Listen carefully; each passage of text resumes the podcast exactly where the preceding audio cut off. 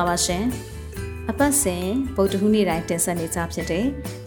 ရေရေမောမောပေါပေါပပရဲ့တက်သစ္စာလူငယ်ကဏ္ဍကနေပြန်လဲကြိုဆိုလိုက်ပါရယ်ဒီအပတ်မှာတော့ထူးထူးခြားခြားဂျွန်လတရက်နေ့မှာကြာရောက်တော့မယ်ကျောင်းဖွင့်ချိန်လေးအကြောင်းကိုကျွန်မပြောဖို့အတွက်ရင်ခုန်နေမိပါတယ်ကျွန်မအခုကြုံခဲ့တဲ့အကြောင်းအရာတွေကတော့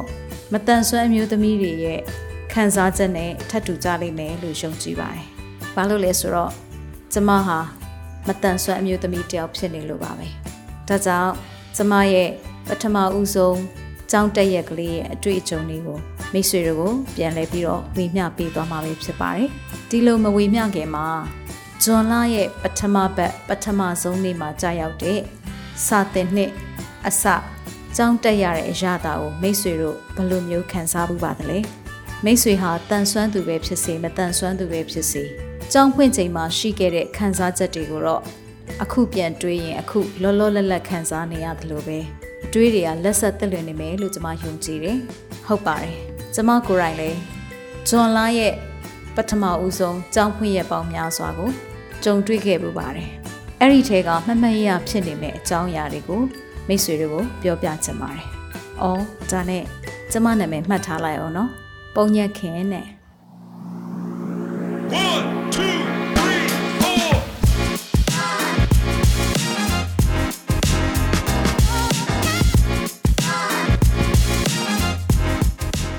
်္ဂလာပါရှင်။ရေရေမုံမုံပို့ပို့ပပရဲ့အပတ်စဉ်ပုတ်တူဟူးနေ့မနေ့10:00နာရီတိုင်းတင်ဆက်နေကြဖြစ်တဲ့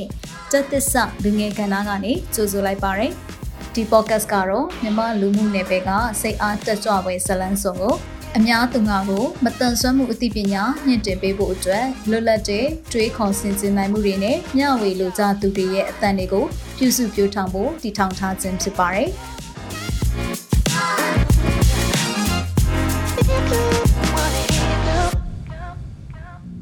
ဒီနေ့ဟာ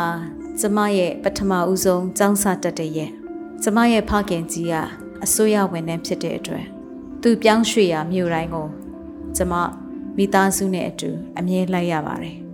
အဲ့ဒီလိုလိုက်ရတိုင်းကျမအတွက်ခက်ခဲမှုတစ်ခုကတော့စာသင်နှစ်တစ်ခုအတွင်းမှာပဲကျောင်းနှစ်ကျောင်းစီမှာပညာသင်ယူရတဲ့အတွေ့အကြုံရခဲ့ပါတယ်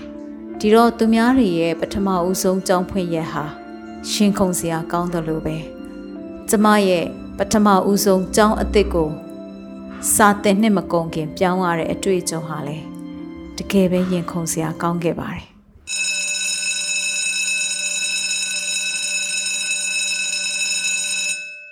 ကျောင်းတက်ခေါင်းလောင်းထိုးလိုက်ပြီးဆိုတာနဲ့ကျောင်းသားတွေအားလုံးဟာစော့ကစားနေတဲ့နေရာအသီးသီးကနေစာသင်ခန်းတွေကိုပြေးဝင်လာကြပါတယ်အတန်းမိုင်ဆရာမရဲ့စပွဲနားမှာဝီချယ်လေးနဲ့ထိုင်နေတဲ့ကျမကိုတော်တော်များများကအပြေးအလွှာအခန်းထဲဝင်ရင်းနဲ့သမင်လေပြန်လှည့်ကြည့်ကြပါတယ်။စာတင်ကုန်းမှာနေရာကျသွားကြတဲ့ចောင်းသားចောင်းသူတချို့ကလည်းတယောက်နဲ့တယောက်တီးတူးပြောဆက်ဖြီးဖြီးနဲ့ ကျမစီကိုပဲအကြည့်တွေကရောက်နေပါတယ်။နားလဲတယ်လေသူတို့ကျမကိုထူးဆန်းနေမှာပေါ့ခန္ဓာကိုယ်ကပူပူညံ့ညံ့သုံးတဲ့ဝှီချန်နဲ့မျက်မှန်လေးထူထူနဲ့ဒီလိုမျိုးចောင်းသူကိုသူတို့ပဲမြင်ဘူးပါမလဲလေကိစ္စမရှိပါဘူးကြည့်ကြပါစေကျမအသားတွေပဲ့ပါသွားတာမှမဟုတ်တာဒီလိုပဲကျမမန်တင်းလိုက်တယ်73နှစ်သမီးအရွယ်ကျမအနေနဲ့လူတွေရဲ့အကြည့်ကိုမဖြုံတော့ပါဘူးကျောင်းတစ်ခါပြောင်းနိုင် ဆီယာမာကြီးရုံးခန်းကိုနှစ်ခေါက်သုံးခေါက်မရောက်ဘဲနဲ့ကျောင်းခန်းထဲကိုကျမဝင်ခွင့်မရခဲ့ပါဘူးစာတင်နှစ်ကတန်းလန်းဖြစ်နေတာရဲ့လာတဲ့ကျောင်းကလည်းအလေတန်းကနေအထက်တန်းကျောင်းကိုတက်မှာဆိုတော့အရင်ကျောင်းမှာရခဲ့တဲ့ကျမရဲ့အမှတ်စည်းနေအကဲပြတ်မှတ်တမ်းအသီးသီးကကျမကိုအထက်တန်းကျောင်းအတွက်အထောက်ပံ့ကောင်းပေးပေမဲ့လေတော်တော်များများကကျမရဲ့အမှတ်ထက်ကျမရဲ့ဘိန်းတက်ကလထိုင်မှုပဲစိတ်ဝင်စားနေကြတာကို ဒီလိုနဲ့စပြောင်းတဲ့နှစ်ဖြစ်လို့ဘလောက်ပဲအရင်ကျောင်းမှာအဆင့်1ကနေ3အတွင်းဝင်မှစီကျမဟာစီအခန်းမှာပဲရခဲ့ပါတယ်စီအခန်းဆိုတာပြောရမယ်ဆိုရင်တော့စာသိပ်တော်တဲ့သူတွေမရှိတဲ့အခန်းပေါ့လေဒီကြားထဲမှာမှပြေးလွှားစော့တတ်တဲ့ကောင်လေးတွေစွာကျဲစွာကျဲပြောတတ်တဲ့ကောင်မလေးတွေကြားထဲမှာကျမလိုကောင်မလေးကိုသူတို့ဘယ်နေရာချမှန်းမသိဖြစ်ခဲ့ပါတယ်အရက်ကလည်းပူ ဘိန်းတက်ကလေးထိုင်နေလဲထိုင်နေရတော့တာမန်ចောင်းစာတင်ကုန်နေနဲ့ကျမဟာအံမဝင်လှပါဘူးတော်တော်များများခုံတွေကလည်းတယောက်ထိုင်ခုံမဟုတ်ခဲနဲ့သုံးယောက်တွဲထိုင်ခုံတွေဖြစ်နေတော့ကျမလိုဘိန်းတက်ကလထိုင်သုံးသူအတွက်အခက်တွေ့ရပါတယ်ဒီတော့အတန်းမိုင်ဆီယာမကသူ့ရဲ့စပွဲကျယ်ကြီးဘေးမှာပဲကျမအတွက်ခုံမရခင်အတူသူနဲ့ထိုင်ဖို့အတွက်နေရာဝေမျှပေးပါတယ်အဲ့ဒါမှပို့ဆိုတာပေါ့နေရာရသွားရင်ကျမဟာအလွန်ဆုံး ပပတ်လေးရ3-4ယောက်လောက်ပဲအာယုံဆိုင်ခံရမှာလေအခုတော့ဆရာမရဲ့စပွဲကိုဝေမျှသုံးနေရတဲ့ကျမအတွက်တဒန်းလုံးရဲ့မျက်လုံးတွေကိုကျမရင်ဆိုင်ရပါတော့တယ်။အိုးကိစ္စမရှိပါဘူး။စာသင်ရင်ကြောက်တဲ့မုံကိုကြည့်မယ်။စာရေးရင်စာအုပ်ကိုကြည့်မယ်။စာဆိုးဆိုရင်ဆရာမကိုကြည့်မယ်။ငါဘယ်မှကြည့်စရာမလိုပါဘူး။ဒီလိုပဲကျမမှန်တင်းလိုက်တယ်။အပြင်မှာတော့မိုးလေးတွေတဖွဲဖွဲရွာနေတယ်။ဒါပေမဲ့ကျမမှာတော့ ကျွေးစည်းတွေကိုပြန်လို့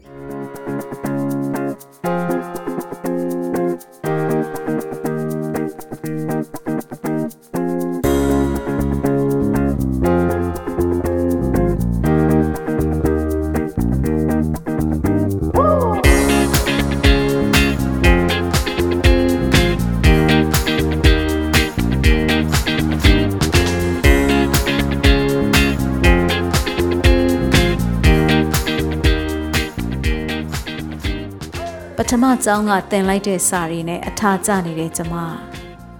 အခုလိုနောက်တစ်ချောင်းကိုပြောင်းလိုက်တဲ့အခါရှေ့ရောက်လွန်နေတဲ့သင်ခန်းစာတွေရှိတယ်လို့နောက်ကျနေတဲ့သင်ခန်းစာတွေကလည်းရှိပြန်တယ်။ဘယ်သူမှလည်းကျမကိုအရေးတယူမလုပ်တော့ဆရာမကပဲဥဆောင်ပြီးတော့ကျမလွတ်နေတဲ့စာတွေကူးဖို့လက်ရည်ရှင်းလင်းတက်ရက်တဲ့သူတွေစီကနေစာအုပ်တွေငှားပေးပါတယ်။တချို့ကမိန်းကလေးတွေတချို့ကယောက်ျားလေးတွေကျမကတော့ သူတို့ပေးသမျှစာအုပ်တွေကိုမျက်လွှာလေးချပြီးယူရင်းနဲ့ပဲဒီတစ်ပတ်လုံးစာကူးရမယ့်ဒုက္ခကိုတွေးပြီးတပ်ပြင်းချမိပါတယ်။အတန်းတူပေမဲ့လို့တင်ကြားတဲ့ပုံစံချင်းနည်းနည်းကွာတဲ့အတွက်အချို့စာတွေကိုကျမကူးပေမဲ့လည်းနားမလည်နိုင်ပါဘူး။ဒီတော့ကျမစာမေးဖို့အတွက်အရေးဆွမ်းရပါတော့တယ်။လက်ရေးအလှဆုံးလို့ထင်ရတဲ့တယောက်စီကနေကျမနာမည်လေးကိုမှတ်ထားလိုက်တယ်။ လာမင်းတော်တာတဲ့။အိုးဘလောက်အေးချမ်းတဲ့နာမည်လေးလဲ။တကယ်ပဲသူ့ရဲ့စိတ်ထားလေးဟာလာမင်းလို့အေးစင်းနေပါမလား။မတက်နိုင်ဘူးလေ။ငါလည်းစာမေးဖို့လိုနေတာမလား။သူ့ကိုပဲချင်းကပ်ရမှာပေါ့။ကျမဘိန်းတက်ကလထိုင်လေးကိုတွန်းပြီးသူရှိနေတဲ့စာသင်ခုံစီကိုကြောင်းမတက်ခင်မှာအရောက်သွားခဲ့တယ်။တငယ်ချင်းတွေနဲ့စကားပြောနေတဲ့သူ့နားကိုကျမရောက်သွားတဲ့အချိန်မှာ ဘေးကတငယ်ချင်းတွေကသူဘလို့တုံ့ပြန်မလဲဆိုတာကိုစိတ်ဝင်စားတဲ့ဟန်နဲ့ကြည့်နေကြတယ်။ဟုတ်လာမင်းတော်ရလာရင်တစ်ဖက်ကိုလှည့်ရင်စကားပြောနေတဲ့သူကရုတ်တရက်လှည့်ကြည့်လိုက်တယ်။အော်အင်းဟုတ်တယ်။ဒါခင်ကိုငှားထားတဲ့စာအုပ်ပါ။อืมထားခဲ့လေ။သူကကျမလှမ်းပေးတဲ့စာအုပ်ကို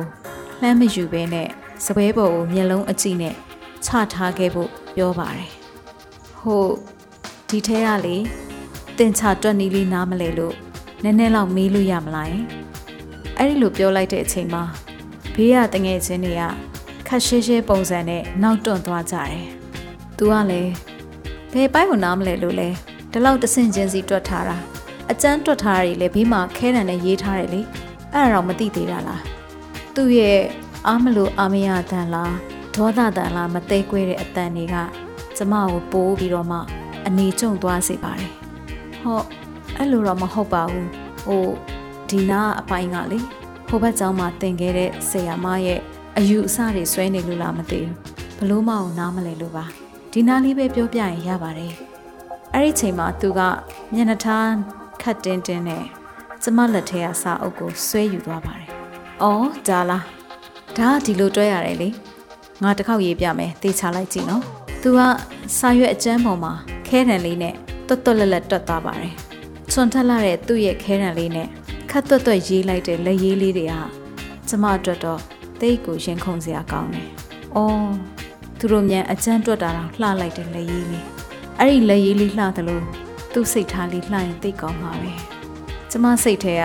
တင်ချာနားလဲခြင်းမလဲခြင်းထက်သူ့ရဲ့အပြုအမူတုံ့ပြန်ပုံလေးကိုပဲအာယုံစိုက်နေမိပါတယ်။အဲ့ဒီချိန်မှာပဲ ကြောင်တက်ခေါင်းလောင်းထိုးသွားတယ်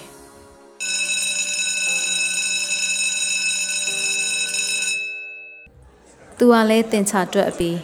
ကျမကလည်းကျေးဇူးတင်စကားပြောရင်းခတ်သွက်သွက်ကျမရဲ့နေရာရှိရာကိုဘိန်းတက်ကလပ်ထိုင်ပြီးတွန်းပြီးတော့လာခဲ့ပါတယ်အဲ့ဒီချိန်မှာပဲအပြင်ကနေကြောင်းတက်တော့မှအပြေးလွှားဝင်လာကြတဲ့စော့တဲ့အရှိန်မကုန်သေးတဲ့ចောင်းသားတွေကကျမရဲ့ဝှီချာကိုဝင်တိုက်လိုက်ပါတယ် ကျမရဲ့ဝှီချာလည်းတစ်ပတ်နီးပါလဲထွက်သွားပါတယ်အိုးအိုးအိုးသူတို့ရဲ့အရှိန်နဲ့တိုက်မှာကိုရှောင်လိုက်တဲ့ကျမလည်းခုံနှလုံးကြားတွေကပြန်ထွက်လို့မရတော့ပါဘူးအားလုံးရဲ့အကြည့်ကဘိန်းတက်ကလထိုင်နဲ့ခုံနဲ့ညက်နေတဲ့ကျမကိုအထူးဆန်းဖြစ်နေကြပါတယ်ဘယ်သူမှခုံနှလုံးသားမှာညက်နေတဲ့ကျမဘိန်းတက်ကလထိုင်ကိုဆွဲမထုတ်ပေးကြပါဘူးအဲ့ဒီချိန်မှာကောင်လေးတယောက် စာတင်ကုံနှစ်ခုကိုဖယ်ဖို့အတွက်စူးစမ်းနေပါတယ်ကျမသူ့ခြေထောက်ကိုကြည့်လို့သာကောင်လေးမှန်းသိပေမဲ့သူ့မျက်နှာကိုကျမမကြည့်ရဲပါဘူးចောင်းသူအစ်စ်မို့အလိုလိုရှက်ရွံ့နေရတဲ့ကာလကြီးမှာကျမသူ့ကိုသိလဲမသိချင်တော့ပါဘူးကျမတွေးနေတော့မယ်ရုတ်တရက်ကျမဘိန်းတက်ကလထိုင်ကိုနောက်ကနေဆွဲပြီးတော့မှဆရာမရဲ့ဇပွဲရှိရာစီကိုနေရာချပေးခဲ့ပါတယ်။တူပူနေတဲ့ကျမနားထဲမှာတော့ ဘေးကလူတွေရဲ့လက်ခောက်မှုတ်တန်းအားပေးတန်းလက်ခုပ်တီးတန်းတွေကတကယ်ပဲစိတ်ရင်းနဲ့လားလှောင်နေကြတာလားဆိုတာမသေးကွဲခဲ့ပါဘူး။ဒီလိုနဲ့ဆရာမဝင်လာတဲ့အခါမှာအားလုံးငြိမ်သက်သွားကြပါတော့တယ်။ဒါပေမဲ့ကျမရင်ထဲမှာတော့ငြိမ်သက်မနေခဲ့ပါဘူး။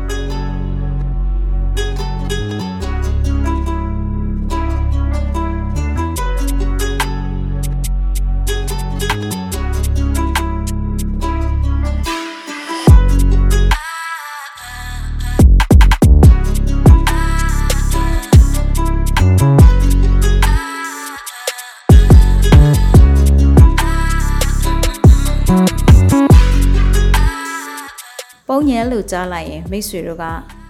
ဂန်းငေါ်ပွင့်အသေးစားလေးတွေလို့အဆန်ဝါဝါလေးတွေနဲ့ပွင့်ပတ်ဖြူဖြူလေးတွေအပူလုံးလုံးလေးတွေရဲ့ကြားမှာအတွဲလိုက်ပွင့်နေတဲ့ပန်းလေးတွေလို့ထင်ကြမှာပဲတကယ်တော့မဟုတ်ပါဘူးလူကောင်သေးပြီးတော့မှဘိန်းတက်ကလက်ထိုင်ပေါ်မှာအမြဲထိုင်နေရတဲ့ကျမကိုပုညက်ခင်လို့ဝိုင်းပြီးတော့စတတ်ကြပါတယ်ဒီဟာပဲလူတွေရဲ့နှုတ်ရှာကျိုးသွားတော့ကျမရဲ့ပုံညက်ခင်ဆိုတဲ့နာမည်လေးပြောက်ပြီး ပူပူညက်ညက်ကောင်းမလေးလို့လူတွေထင်စေတဲ့ပုံညက်ခင်ဆိုတဲ့နာမည်ပြောင်းကိုပဲကျမလက်ခံလိုက်ရပါတယ်ဒီလိုပဲလားမတန်ဆွမ်းမှုဆိုတာသူတို့ရဲ့စိတ်ထဲမှာအနှုတ်လက္ခဏာဆောင်တဲ့သဘောတရားတွေကိုပဲမြင်တတ်ကြတာလားတကယ်တော့မတန်ဆွမ်းမှုဆိုတာဘယ်သူမှမဆိုအချိန်မရွေးဖြစ်လာနိုင်တာပဲလေအဲ့ဒါကိုမြန်ဘာကြောင့်ငါတို့ကပဲတန်ဆွမ်းနေဆိုတဲ့ပုံစံမျိုးတွေနဲ့ မတန်ဆွမ်းသူတွေကိုဖေးချဆက်ဆံခြင်းနေကြတာလေ။ကျောင်းတက်တဲ့ပထမနေ့တုန်းကအတန်းတစ်ထဲကိုမဝတ်မရဲဝင်လာတဲ့မတန်ဆွမ်းမိန်းကလေးတယောက်ကိုမညမတောင်ဝိုင်းကြည့်ခဲ့ကြတဲ့အဲ့ဒီကျောင်းသားတွေရောသူတို့တကယ်ပဲမတန်ဆွမ်းသူကိုမမြင်ဘူးကြဘူးလား။သူတို့ရဲ့မိသားစုအတိုင်းဝန်းထဲမှာမတန်ဆွမ်းသူတွေမရှိကြဘူးလား။မတန်ဆွမ်းသူတွေဆိုတာတခြားဂျိုကဘာလာတဲ့လူထုလူဆန်းတွေလို့ထင်နေကြတော့မယ်လား ကျမသူတို့ကိုမေးကြည့်ချင်တယ်တချို့သောဆရာမတွေဆိုရင်လေမတရားသားထိန်းနေရတာဒီလိုမတန်ဆွမ်းတယောက်ကို အချိန်ပိုပေးပြီးတော့မလုံနိုင်ဘူးဒီလိုပုံစံမျိုးနဲ့စကားတွေပြောကြတယ်ဒါဖြစ်တဲ့လို့လားမတရားသားထဲမှာကျမတို့မတန်ဆွမ်းသူတွေလည်းပါတယ်လေမတန်ဆွမ်းသူတယောက်ဖြစ်နေလို့အမြဲတမ်းသူများရဲ့အကူအညီလိုနေမယ်လို့ထင်တတ်ကြတဲ့သူတွေလည်းရှိတယ်။ မတန်ဆွမ်းသူဖြစ်လို့ညံရည်ကကောင်းပါမလားဆိုပြီးတော့မှတင် जा မှုကိုအယုံကြည်မရှိကြတဲ့သူတွေရှိတယ်။ရုပ်စွာအစုံညံရည်မတန်ဆွမ်းသူတွေတောင်မှသူတို့ညံရည်နဲ့လိုက်ဖက်တဲ့တင့်လျော်တဲ့လေ့ကျင့်စဉ်တွေတင် जा မှုတွေနဲ့တင်လို့ရသေးတာပဲ။တချို့ကကြတော့ခန္ဓာကိုယ်ချိုးယွင်းမှုကိုအပေါ်ယံမြင်တာနဲ့ပဲဒီမတန်ဆွမ်းသူကသုံးစားမရပါဘူး။ဘာမှလည်းလုပ်ပေးလို့ရမှာမဟုတ်ဘူးသူ့ကိုယ်သူလည်းရက်တည်နိုင်မှာမဟုတ်ဘူး အဲ့ဒီတော့ဂေဟာလိုနေရာမျိုးပဲပို့လိုက်ကြတာပေါ့လို့လွယ်လွယ်တွေးတတ်ကြတဲ့မိသားစုတွေကိုလည်းကြုံကြရတယ်အဲ့ဒီလိုမှမဟုတ်ရင်လေအတန်ဆွမ်းမွေးထားတာရှက်စရာကြီးအိမ်ထဲမှာဒူးမမမြင်အောင်ကျွေးမွေးပြီးတော့စောင့်ရှောက်ထားလိုက်ဒီလိုပုံစံမျိုးနဲ့လူတော်မတိုးအောင်လုပ်ကြတဲ့မိသားစုဝင်တွေမျိုးလေကြုံရတာပဲလေအခုလိုအများသူငါနဲ့ရောပြီးတော့မှစာအတူတင်မဲဆိုတော့လေငါတို့နဲ့ပုံစံမတူဘူးမပေါင်းချင်ဘူးဆိုတဲ့အမြင်မျိုးနဲ့ ဘာကြောင့်ကြည်နေကြတာလဲတကယ်တော့အသက်9နှစ်နဲ့အထက်လူတိုင်းမှာယောဂဒါမှမဟုတ်နာရရှိအခြေအနေတစ်ခုခုလည်းရှိနိုင်တယ်လို့ခြေလက်အင်္ဂါကိုယ်အင်္ဂါချို့တဲ့တာမျိုးလည်းဖြစ်နိုင်တယ်ဒါမှမဟုတ်စိတ်ကျမ်းမာမှုမရှိတာညံရည်နှဲပါတာဒါမျိုးတွေလည်းကြုံရနိုင်တာပဲလေတချို့ကြတော့ကိုလက်အင်္ဂါအစုံအလင်နဲ့မွေးလာပါရဲ့နဲ့မတော်တဆမှုတွေကြောင့်မလို့ အရွယ်မရွေးလဲမတန်ဆွမ်းသူဖြစ်သွားနိုင်တာပဲတချို့ကြတော့လေမိခင်ကမွေးတဲ့အခါမှာလိုရာထပ်ပို့ပြီးတော့ဘိုက်ထဲမှာနေရတဲ့ကြာချင်းကြောင့်သူတို့ရဲ့ကိုလက်အင်္ဂါပိုင်းတွေသူတို့ရဲ့ညံ့ရည်ပိုင်းတွေကိုအင်္ဂါလှုပ်ရှားမှုအပိုင်းတွေကိုခက်ခဲသွားစေတာမျိုးတွေလည်းရှိတာပဲလေဒီတော့မတန်ဆွမ်းသူဆိုတာမွေးရပါရဲ့ accident ကြောင့်ဖြစ်တာရဲ့ဘာကြောင့်ရဲ့မှမဟုတ်ဘဲနဲ့ အချိန်မရွေးအကြောင်းမျိုးမျိုးကြောင့်လည်းဖြစ်သွားနိုင်တာပဲလေတချို့ဆိုအသက်တွေကြီးရင်လာရင်တတိတွေမေ့မယ်စိတ်ဓာတ်တွေကျမယ်ဖွံ့ဖြိုးမှုတွေနောက်ကျမယ်တုံးဆွဲရတဲ့ဆေးဝါးတွေကြောင့် side effect လို့ခေါ်တဲ့ဘေးထွက်ဆိုးကျိုးတွေခံစားရမယ်ဒါတွေလည်းရှိနေတာပဲမဟုတ်ဘူးလားအဲ့တော့အကြောင်းမျိုးမျိုးကြောင့်ဘယ်သူမဆိုအချိန်မရွေးမတန်ဆွမ်းသူဖြစ်သွားနိုင်တယ်ဆိုတော့အတိသူတို့မှာဘာကြောင့်မရှိကြတာလဲ မတန်ဆွမ်းသူတယောက်ကိုမြင်ရင်အထူးဆန်းလို့ကိုနဲ့မတူတဲ့ဂျိုဝါလာတယ်လို့လို့နဲ့အဲ့ဒီလိုမျိုးအတွေးခေါ်တွေနဲ့ပြုမှုကြတာတွေကအမတန်ကိုခွဲခြားဆက်ဆံရရောက်တယ်ဆိုတာမတိကျလေရောသလားမတန်ဆွမ်းသူတွေအောင်တကယ်ပဲအများတန်းတူလုံနိုင်တဲ့ပညာသင်တဲ့ကဏ္ဍတွေမှာအလောက်အကင်လုပ်တဲ့ကဏ္ဍတွေမှာမပါနိုင်တော့ဘူးလို့ထင်နေကြတာလားဒါဆိုရင်တော့သူတို့ရဲ့အမြင်တွေမှားနေတယ်ဆိုတာ တတိပြရတော့မယ်ကျမဒီကြောင်းကန်းထဲမှာတိမ်ငယ်တယ်လို့ခံစားရတဲ့လေးလံနေတဲ့အခွန်တစ်ခုကိုကျမစိတ်ထဲကနေရိုက်ခွဲလိုက်ပါတယ်ဟုတ်တယ်သူတို့ရဲ့အထင်နဲ့အမြင်လွဲသွားအောင်တော့ငါတက်တည်ပြမှရမယ်ဒီလိုနဲ့ပထမဆုံးလဘတ်စာမေးပွဲရက်ကိုရောက်လာပါတယ်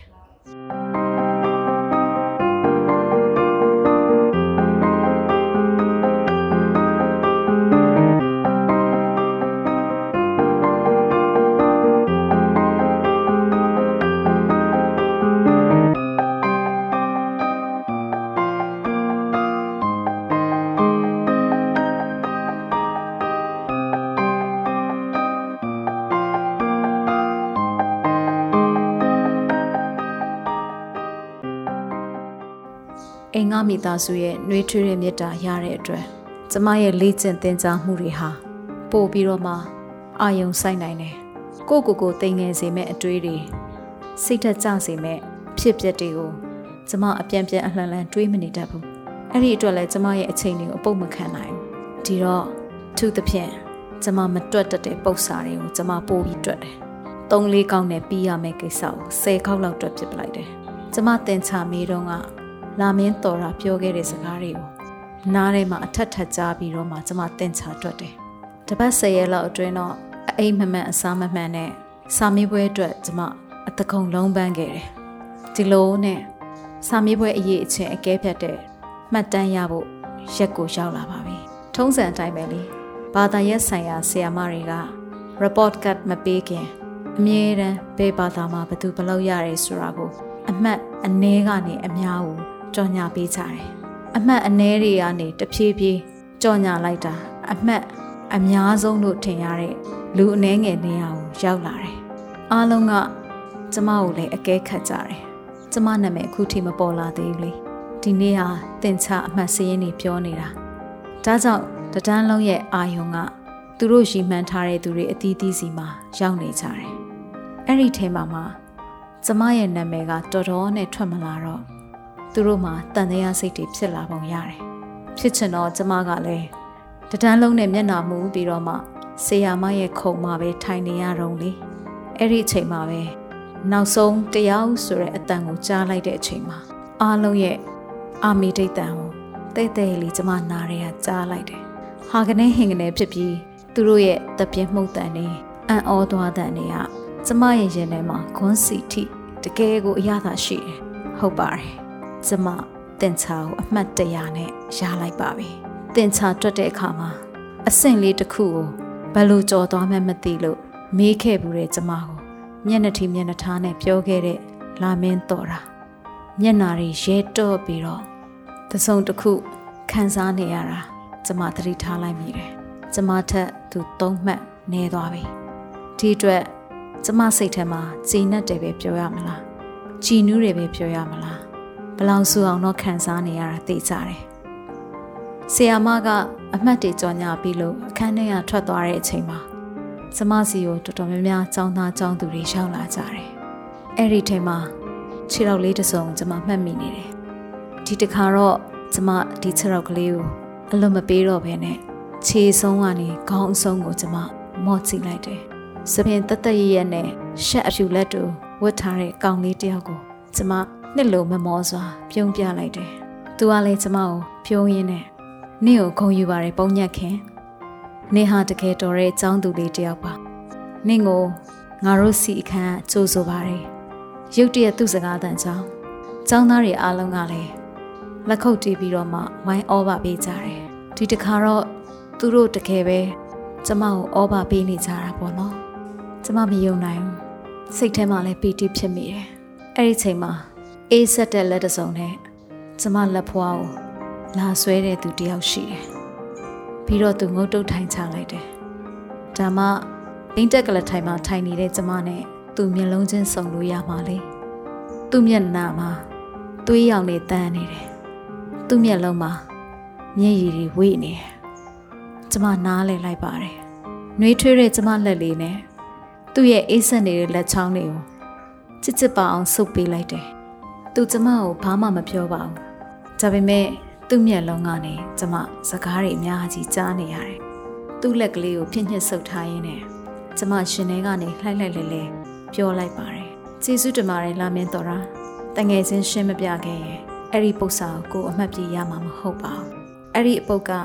အမှတ်20ရဖို့အတွက်တငယ်ချင်းကသူ့ကိုကူညီခဲ့တာပါ။ကျေးဇူးတင်ပါတယ်နော်။ကျမရဲ့စကားကြောင့်သူ့မျက်ဝန်းမှာဝေ့နေတဲ့မျက်ရည်တွေဟာ ပါးပြင်ပေါ်မှာပူပူပေါက်ပေါက်ကျလာပါတော့တယ်။ကျမဒီမျက်ရည်တွေမမြင်ချင်ပါဘူး။တကယ်လည်းမမြင်ရက်ပါဘူး။ကျမသူ့ကိုပြုံးပြနေနိုင်ပေမဲ့ကျမရဲ့အပြုံးတွေဟာသူ့ရဲ့နှလုံးသားကိုဓာတ်နဲ့မှုန်းတယ်လို့များဖြစ်နေမလား။သူ့စီကတခါမှမကြားဘူးတဲ့လေတံမျိုးနဲ့ကျမကိုစကားတခွန်းပြောလာတယ်။ငါတို့တငယ်ချင်းဖြစ်ရအောင်နော်။ကျမအယံဝမ်းသာသွားတယ်။ငါတို့ကတငယ်ချင်းဖြစ်ပြီးသားလေ မဟုတ်ဘူးလား။ဒီစကားကြောင့်ပဲသူ့ရဲ့မျက်ရည်တွေကြားအပြုံးလေးတစ်ပွင့်လင်းလက်သွားတာကိုကျမမြင်လိုက်ရတယ်။အဲ့ဒီနေ့ကစားပြီးတခြားသော A အခန်း B အခန်းကပါတုတဝင်ကြတဲ့သူတွေအားလုံးကလည်းကျမကိုလာပြီးတော့လေးလာအကဲခတ်ကြတယ်လေစီကန်းမှာရောက်လာတဲ့ចောင်းသူအစ်စ်ကလေးကထမဆုံးလပတ်စာမေးပွဲမှာသင်္ချာတရားရတယ်ဆိုတာပြိုင်ဘက်မရှိဖြစ်ခဲ့တာ哦အေကန်းဘီကန်းက အစ်စ်တော်တငယ်ချင်းတွေနဲ့လည်းမိဖွဲ့ခွင့်ရခဲ့တယ်။ကျမအခုဒီចောင်းတော်ကြီးမှာပျော်ခဲ့ပါပြီ။ကျမတို့မတန်ဆွမ်းတွေဟာကျမတို့ရဲ့ချွေရင်းအားနည်းချက်တွေကြောင့်ဘလောက်ပဲဖယ်ချင်ခံနေရပါစေ။ကျမတို့စွမ်းနေဆိုတာကိုတော့ပြဖို့လိုတယ်မဟုတ်ဘူးလား။ဒါကြောင့်ဒီចောင်းတော်ကြီးမှာကျမဆက်ပြီးတော့မှနှစ်တိုင်းစုယူနိုင်အောင်စ조사နေအောင်ပါပါ။အတန်းနိုင်ရလူတွေရဲ့စိတ်ဝင်စားမှုကိုလည်း ကျမမျက်ကွယ်မပြုနိုင်တော့ပါဘူးကြည့်ကြပါစေလေသူတို့ကြည့်နေတာတင်ချတရားရတဲ့ပုံညက်ခင်းဆိုတဲ့ကျမကိုပေါ့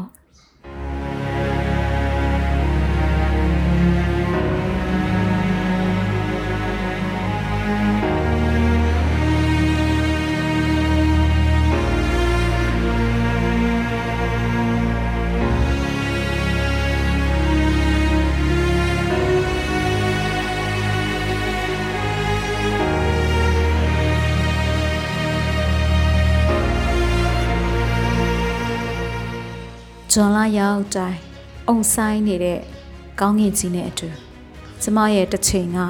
ကြောင်းဖွင့်ချိန်အဖြစ်ပြက်ကလေးတွေကိုတရေရေပြန်လဲမြင်အောင်ရင်းနဲ့ပီတိဖြစ်နေမိပါတော့တယ်။တကယ်တော့ကျောင်းနေအရွယ်မှာရှိတဲ့မတန်ဆွမ်းကလေးတစ်ဝက်လောက်က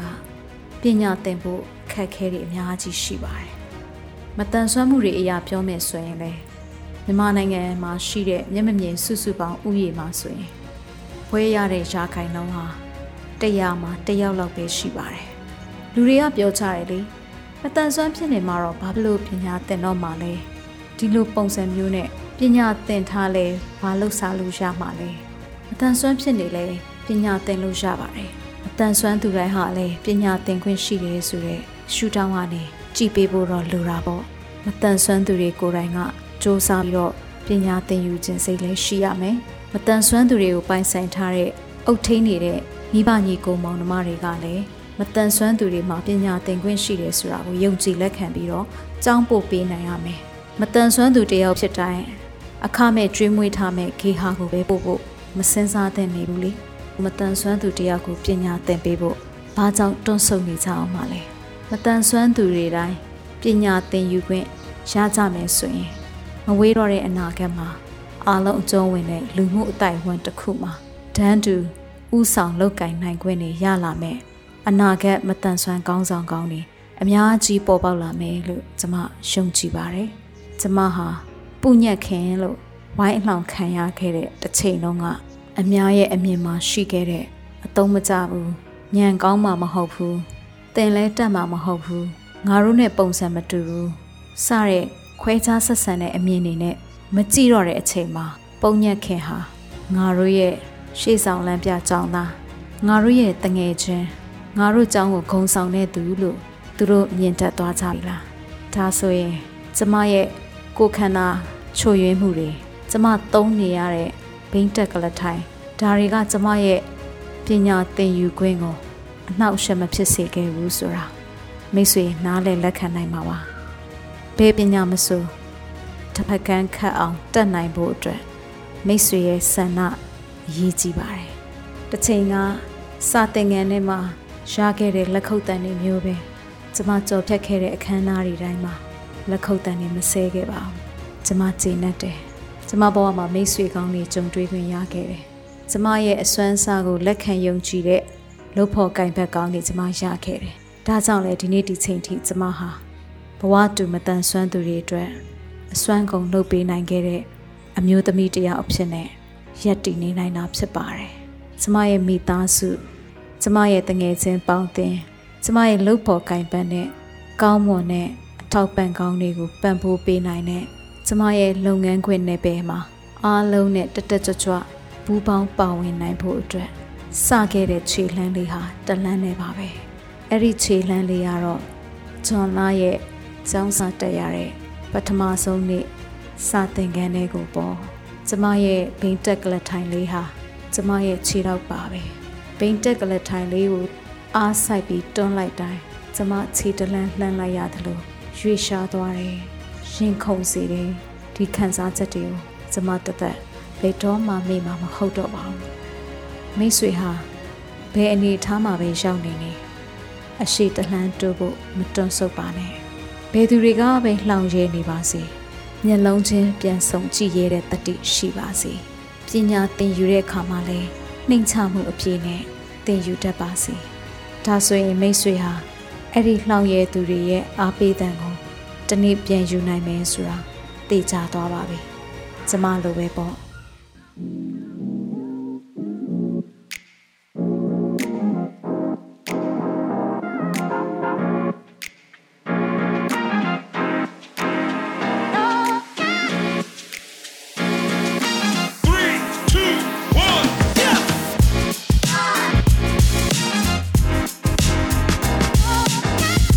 မတို့ရဲ့ရေရေမမောပေါပေါပပ podcast အစီအစဉ်မှာအလုပ်တင်အဖြစ်ဖန်တီးမှုမျိုးစုံကိုလက်စွမ်းပြလှုပ်ဆောင်ဖို့စိတ်ပါဝင်စားသူများအနေနဲ့ Google Form ကနေပြီးတော့မှမိမိတို့ရဲ့မှတ်ပုံတင်ရှင်းနှောင်းနဲ့အလှတက်ပုံတစ်ပုံအပြင်နမူနာလက်ရာတစ်ခုနဲ့အတူအမြင့်ဆုံးရှောက်ထားဖို့ဖိတ်ခေါ်လိုက်ပါတယ်။နောက်ပတ်ဗုဒ္ဓဟူးနေ့မနက်10:00နာရီမှာပြန်ဆုံကြရအောင်နော်။ Yo.